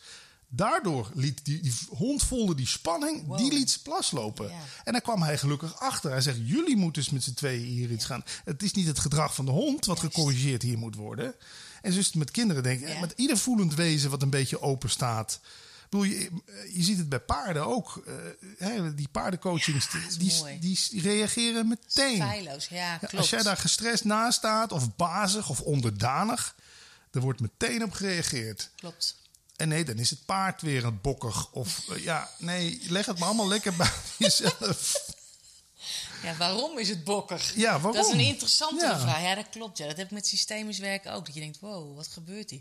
En en even dat verhaal met die honden, dat is wel grappig. Een vriendin van mij die eh, heeft een bedrijf en nou ja, daar, speelden wat dingen. Dus ik zei, joh, eh, zullen we eens kijken wat er eh, hè, in de onderlaag zeg maar, zit. Dus we gingen een opstelling doen en ehm, zij heeft geen kinderen, maar twee honden. En eh, die waren ook eh, ja, aanwezig, zullen we maar zeggen. Maar op een gegeven moment, die gingen gewoon meedoen. En zij zegt, Sil, wat gebeurt hier, joh? Wat is dit? Nou, laat het maar gebeuren. Net als met paarden, die voelen dan feilloos aan. En die wilden haar ook beschermen, die gaven ook signalen. Ja, het was echt heel gaaf. Er zijn natuurlijk voelende wezens op de eerste plaats, Ja. niet denkende wezens. Juist, en daar gaan we naartoe. Dat is dat vrouwelijke, dat Ja. voelen komt eerst voor Ja. denken. En uiteindelijk weten we dat toch ook. Als je op een feestje komt, je voelt meteen de sfeer aan. Je voelt ook als ergens net ruzie is geweest, je komt de kamer binnen, dat voel je gewoon. ja. En dan kan je het wel denken, ja, het zit allemaal. Hey, ik, ik durf zelfs zo ver te gaan. Dat, dat heeft me ook wel eens iemand gezegd die de energetisch werk doet. Junior Burger, ik weet niet of je naam het zegt. Die zei ook van ja, maar als jij daar een keer chagrijnig op de bank zit, kan best zijn dat de buurvrouw naast je net te horen heeft gekregen dat haar hondje moet inslapen. Zo, dat, dat werkt zo. Dat gaat ook door muren heen. Klopt. We zijn met elkaar Ja. verbonden. Ik had het laatste keer met iemand aan de telefoon. En ik legde neer en die man die was... Ja, ik, wa- ik zat helemaal prima in mijn vel de hele dag. En ik belde en ik denk, huh? Ik liep hier om te stuiten, helemaal gestrest. dacht ik, oh, dit is niet voor mij. Ja. Maar hoe krijg je het dan? Voel je het dan namens hem? Of hoe, hoe werkt Ja, dat? nou dan? ja, als ik weet dat ik zelf lekker in mijn vel zit, dan weet ik, ja, dat is niet om, hè, om mij, Mhm. maar dan, ik weet ook hoe ik er nu vanaf moet komen. Maar toen, voordat ik met, eh, ehm, ik heb ook een opleiding dan gedaan tot energetisch therapeut. En ik was daar eh, in die groep eh, de eerste dag en ik kwam thuis en ik heb zitten huilen, niet normaal. En ik denk, wat is dit? Want ik was helemaal oké en ik had er zin in en ik denk, oh, dat Ja. gaan we doen, dat is leuk. En toen belde ik ook een vriendin. Ik zei, joh, ik weet niet wat, eh, wat ik allemaal voel. Wat er nou is. Ze zegt, ja, je, je hebt zo'n hoge antenne. Je pakt alles op. Dus eh, nou, ja, dat, dat kan. Als je echt gevoelig bent, dan kan het allemaal wel lekker Ja. binnenkomen, ja. En feitelijk, alleen hoe, du- hoe durf je die gevoeligheid toe te laten? Hè? Ik bedoel, vaak is dat ego dan inderdaad, zullen we maar zeggen, het, het eh, papier om de antenne heen of zo. Een soort afweer wat het terugkaatst of zo. Maar ja, Ja, ja. kijk, ik kan me voorstellen, ook iemand die de hele dag aan de kassa zit, gevoelig te wezen. Ja, je krijgt wel allemaal Klopt. al die verhalen langs je heen, langs die kassa. Ja, heb je daar altijd zin in? ja, maar feitelijk wordt dan wel ook beweerd door sommige leraren wat ik wel geloof. Het, raakt alleen, het kan je alleen maar raken als het iets raakt wat nog, ook nog een gedeelte in jou huist. Hè? Als ik niet tegen mensen kan die heel cynisch zijn, komt dat omdat dat mijn vader vroeger best wel cynisch was. En ik dat ook nog ergens opgeslagen heb. Cynisme is gelijk aan gevaar. Of iemand die heel direct is, of iemand die Iemand die misschien heel verdrietig is. Ja, ik heb ook aardig, dan heb ik nog aardig wat verdriet in me. Ja, natuurlijk voel ik dat. Hè? Dat is stukken verdriet die elkaar een soort van ontmoeten. Ja, ja. Daar kunnen hele relaties op gebaseerd zijn. Ik bedoel, die relatie die ik toen had met die vrouw die ook drank en drugs gebruikte, die was voor een groot deel op een soort kinderpijn, jeugdpijn gebaseerd van allebei opgroeien met een alcoholistische ouder. Ik weet niet of je, of je dat Ja, herkent. ja, Dat je- ja, want dan heb je ook- elkaar wat te leren. ja, daar kun je, Ja. Ook, oh, daar kun je ook op aangetrokken worden. En, en dat Tuurlijk. het elkaar, Ja. weet ik niet, voedt of afstoot of inderdaad oplost bij elkaar. Dus wij, wij denken wel dat we partners kiezen op basis van eh, iemand eh, lacht leuk. Of, maar ja, Je ziet heel vaak, eh, dus jij heeft wel een paar keer al verteld over je vader in je verleden en hè, jouw, eh, jouw eh, jeugd, ehm, dat je heel vaak eh, dat dingen zich herhalen. Stel dat, eh, dat ik heel jong moeder zou zijn geworden, is de kans groot dat mijn moeder dat ook had. Ja. Totdat je iets doorbreekt. Ja. Want je kan het wel doorbreken. patroon. Dus, ja, patronen, ja. En dat, dat jij dus iemand aantrekt die dan een probleem heeft met drank en drugs. Ja, Dat is niet is- toevallig. Nee, dat kan bijna geen toeval nee, zijn. sorry, nee. maar dat is voor mij, voor mij niet toeval. Absoluut. En uiteindelijk was dat, ja, uiteindelijk hebben we daar ook allebei wel iets uit geleerd. En het, het, ik ga daar, na, sinds die relatie ook weer anders met mijn, met mijn vader om. Kijk, daarin heeft non-dualiteit me ook wel geleerd. Want als ik mezelf niet meer de hele dag beschuldig met van alles, ben ik ook niet meer zo van het wijzen naar jou. Dus ik heb mijn vader natuurlijk ook heel lang verweten dat hij, dat hij graag dronk en dat hij eh, vaak chagrijnig was en depressief. En, maar ja, totdat ik me een beetje ging verdiepen in hoe hij was opgegroeid, ja, dan zie je gewoon, het inderdaad ook een vader vroeg verloren, nooit echt eh, die waardering gekregen, opgegroeid in een gezin met drie zussen plus een moeder, dus echt een soort van als jongste kind heel erg gepamperd, Bij- bijna kapot gepamperd ja, dan, dan zie, je, zie je die patronen zo doorgaan. Op een gegeven moment denk je ook, ja, wat, wa- wat, heeft hij daarvoor gekozen? Nee, dat ontstond ook maar gewoon. Kijk, dat hij uiteindelijk er nooit iets mee gedaan heeft. Maar ja, dat Ja. is die generatie. Ja, ja klopt. Wij ja. zitten hier zo open over te praten. Dat zou, hij zou hem al lang weggelopen zijn met een rode knar. En eh, Ja. Wat, wat schaamte, daar heb ik laatst ook nog een vrouw over geïnterviewd. Dat is inderdaad in die generatie ja, enorm. Schaamte, wantrouwen. Mhm. Ja, ja, dat klopt, ja. En, dat, en ik heb het gevoel dat wij, zeg maar... eh, ja, we dan die generatie die dat nu op gaat ruimen. En als je kinderen hebt, doe je dat dan ook voor je kinderen en je kleinkinderen. Ja. Maar er ligt nog wel een hoop, ja. Het is, ja, ik denk ook dat die Tweede Wereldoorlog daar een grote Ja. rol in gespeeld heeft. Hè. Dat heeft ook zo zijn sporen nagelaten. Want als kind van net na de Tweede Wereldoorlog, dat doet nogal wat met je ouders. Nou. Dat, hè? Ja, Een oorlog. ja, En, en oppassen, want je buren kunnen jou verlinken. Of, of Ja. die, iedereen is op zijn hoede. En ja. ja, dus dat, we zijn nu al 75 jaar verder. Maar ja, dat, dat heeft, of, Zit, Ja. ja, ja, het zit er nog steeds in. ja, klopt, ja. Ja, dit is intens, ja. Ja. Ehm, zijn er nog dingen die ik ehm, aan jou eh, had moeten vragen? Of wil je Dat nog is wat een goede vertellen? vraag. Ja, Die ga ik er ook eens een keer in gooien. Wat had ik. Wat ja, is de, wat, wat, wat ben ik vergeten Ja, te wat is de vragen vraag? Wat wil jij graag nog vertellen? Wat wil ik graag nog vertellen? Wat is nog interessant aan mij? Misschien Nee. nog iets wat je... Je hebt zoveel mensen geïnterviewd. Wat is je bijgebleven? Ja. Wat vond je interessant? Wat, Ja, ik vond hem, eh, nogmaals, de, de mensen die, daar bied ik ook graag een podium aan. De mensen die bijvoorbeeld bij SBS 6 in Man bij het Hond terechtkomen. Ja. Zo, dan gaan we eens even lekker vijf of tien minuten lachen om die man met zijn veren op zijn hoofd. Die denkt dat hij kan vliegen. Ik noem maar wat. Ja. Ik zet zo iemand neer bij mij op zolder op de bank en ik zeg: ga maar vertellen een uur lang. Ja. Want toch zit er bij die mensen gewoon meer wijsheid dan je verwacht. Echt. Ja. En dan noem- worden dan de dorpsgekken genoemd. Of de, de, de, zwarte schapen, Ja, hè? de zwarte Ja. schapen, daar ga je weer. Maar wat, wat stoot ons zo af van zo'n man die de hele dag met veer op zijn hoofd rond? Wij zouden het nooit durven, bij wijze van spreken. Nou, dan vero- veroordeel ik hem al. Hmm. Ik, ik heb dat altijd geleerd. eh, eh, Het was zo'n buurman bij mij. Die zette altijd zijn auto op een plek wat eigenlijk net niet kon. Want hij kon daardoor de, de vuilniswagen net niet de bocht maken. Je kent het allemaal wel. Maar hij zette daar gewoon zijn auto neer. Nou, ik stoorde me daar enorm aan. Het had feitelijk niks met mij te maken. Totdat eens een keer zo'n zo'n iemand die ik interviewde zei: ja, maar jij stoort je er alleen maar aan. Jij zou nooit je auto daar neer durven zetten. Jij bent altijd maar bezig.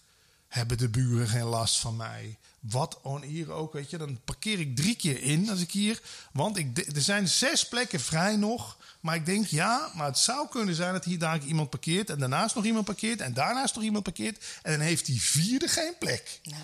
Zo kan ik al. Oh ja. Weet je wel, nou zeggen mensen, is toch attent? Ja, maar dat is gewoon ook omdat je bijvoorbeeld geleerd hebt: ik, ik wil geen commentaar meer krijgen. Of uh, ik ben bang als het wordt, het wordt gevaarlijk voor me als ik commentaar krijg. Want dat heb ik uit mijn jeugd geleerd. Dus daarom stoor ik mij aan die man die gewoon iedere dag of om de dag daar gewoon boem zijn auto neerzet. Ja, dat zijn al die mechanismes die bij jou hè, aangaan. Ja, op, ja, maar dan is het dus niet. Dat is niet het probleem. Of het probleem. Dat is niet waar je moet kijken. Je moet kijken hoe reageer ik op de dingen. En dat vind ik zo mooi als we dan naar zo'n, zulke mensen kijken. die dan man bij het hond zitten. Of, of wat heb je nog? Paradijsvogels. Uh, je hebt die man die op Schiphol mensen opvangt. Joris Linsen. Ja, ja, dat vind ik altijd mooi. Ja, ik hou daar ook van.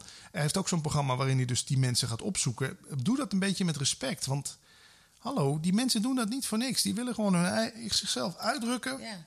En zichzelf zijn. En ja, dus ik heb een autist geïnterviewd. Ik ben wel eens een zwerver gaan opzoeken. Daar haal ik vaak nog de meeste dingen uit. Want die hebben wel gewoon een radicale keuze gemaakt. Nou ja, scheid, dan vind je het maar niks wat ik doe ik, ik, ik vind het prettig om in het bos te slapen in een boommut die ik zelf gebouwd heb. Nou, waarom zou daar geen ruimte voor mogen zijn? Ja, oh ja mooi. Ja, jij bent natuurlijk op allerlei plekken op de wereld geweest waar mensen gewoon leven van een, van een stro. Van weinig. Ja, van een rietje. En, ja. en, uh, maar dat interesseert me ook mateloos. En wat is jouw. Ja, je had het over rigoureuze eh, keuzes. Dat vind ik altijd wel interessant. Wat was voor jou de meest rigoureuze keuze in je leven? Dat je echt. Wow 180 graden misschien wel om bent gegaan? Um, nou, ik denk toch die radiocarrière zo uh, ja, die zeg je niet zo. opgeven. Ik ging van, moet ik niet liegen, 12.000 euro in de maand. Zo. Ja, naar nul. Ja. Wow, ja. En dan kun je zeggen, maar die, kijk toch, die eerste 50 of 100 euro die ik verdiend heb met een column schrijven, die voelde veel waardevoller dan op het laatst. Als ik dat salaris op het laatst gestort kreeg, ik, ik, kon, ik durfde niet eens, oh, ze hebben het weer gestort. Weet je, ik ging me er gewoon voor, ik ging me er gewoon voor schamen, omdat ik niet voelde alsof, het iets, alsof ik er echt iets van waarde tegenover stelde. Ja. Ik, dat geld is ook zo'n, dat is wel met echt wel een soort rode draad in mijn leven. Dus ja, dat opgeven, dat zeggen mensen verklaren je voor gek. Ja. ja. dan doe je toch alsof je het leuk vindt. Zeg ja, maar dat voelen de luisteraars als ik daar niet oprecht zit te zijn. Dus ja, als je het hebt over een keuze, is dat wel. Maar dat is ook wel gewoon een keuze die niet anders kon. Ik weet niet, ik, als je het al hebt over. En dan komen we weer bij non-dualiteit. Dat er niemand is die een keuze maakt. Het is bijna alsof het bestaan met een breekijzer zegt zo. En nu. En klaar is net als de rups die een vlinder wordt, weet je wel. Nu is het afgelopen met rups zijn. Ja. Jij wordt nu maar eens een vlinder. En ja, ik had, het voelt ook alsof het bijna uit mijn handen geslagen is. Zo. Je kan wel achteraf stoer zeggen, nou heb ik wel de lef voor gehad om, die, om, om te stoppen bij de radio. Maar het, het hield gewoon op ineens. Ik weet niet of je dat kent met ja, dingen. Ja, ik herken dat. Ja, ik heb het ook gehad. Dan houdt, ja, waarmee? Ja, ook met een baan. Ik, uh, nou, ik, ik had dan ook een burn-out. Dat is vaak hè, een aanleiding tot. In ieder geval, dat merk ik veel omheen. En um, toen uh, was het ook over. En ik uh, kwam ook uit de gouden kooi, maar zo te zeggen. En dan ineens dan... maar dan, dan moet je wel gaan luisteren naar dat stemmetje van binnen. Van, maar wat wil ik dan echt? Want het zit er eigenlijk altijd al. Alleen daar ben je niet echt mee bezig. Nee, nee, ja. Eerst ga je natuurlijk om de, proberen de brokstukken weer bij, bij elkaar te rapen. Ja. het, werk wil jou vaak ook zo snel mogelijk weer reïntegreren met vensterbankwerk. En, ja, ja. dat is een heel apart systeem in Nederland, ja. Eigenlijk zou je gewoon een manager moeten hebben zeggen van... maar ben nou eens eerlijk, is dit nog jouw ding wat je hier zit te doen? Ja. Of moeten we gewoon zeggen, nou, ga op zoek naar iets anders. En er zijn eigenlijk ook wel trajecten voor, hè, dat je eens bij een ander bedrijf mag meelopen of zo.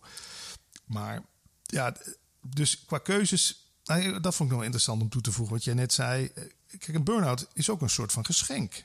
Ja, Heb je dat ook zo ervaren? Nou, in het begin natuurlijk niet. Want, nee. Eh, want, toen ging ook nog die relatie over. En toen heb ik een tijdje een beetje in pensions gewoond. Omdat zij daar met de dochter dan kon blijven wonen.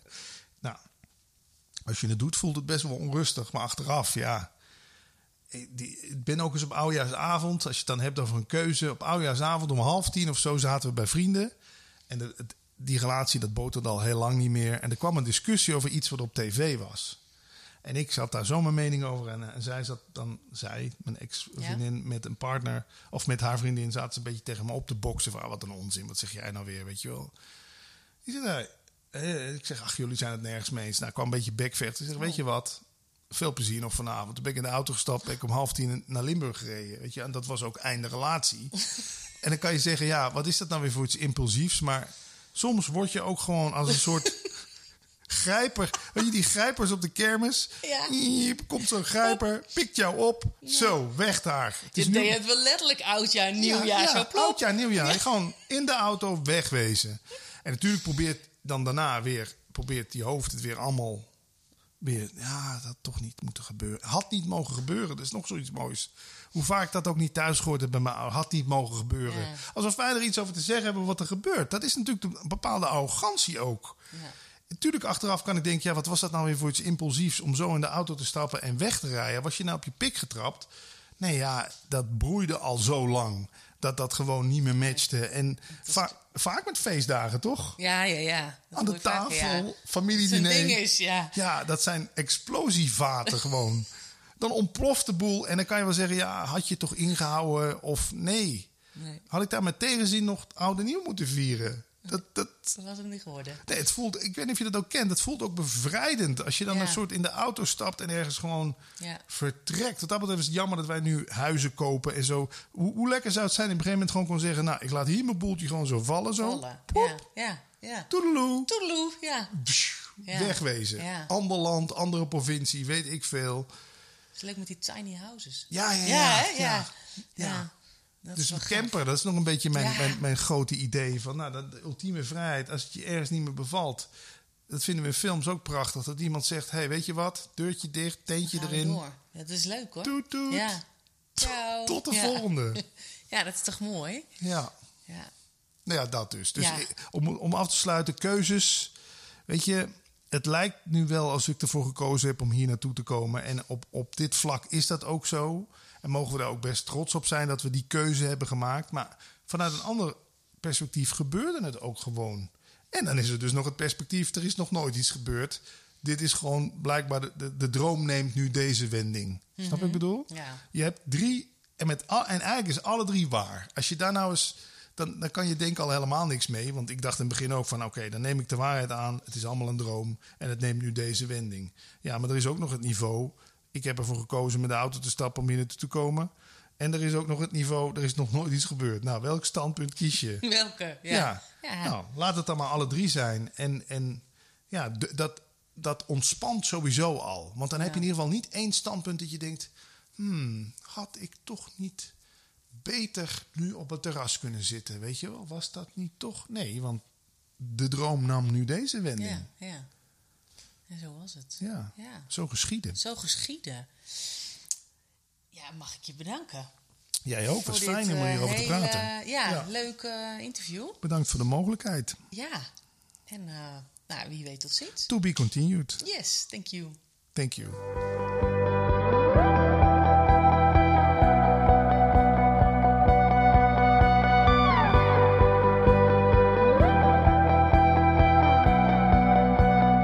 Dank je wel voor het kijken en het luisteren naar deze podcast met Patrick Kikker. Ik hoop dat je je inspiratie hebt gedaan. Wil je meer weten van Patrick Kikker? Check dan zijn boek of zijn podcast Leven zonder stress. En wil je meer weten van mij of mijn werk? Kijk dan op mijn website sylviabochem.nl. Tot de volgende keer.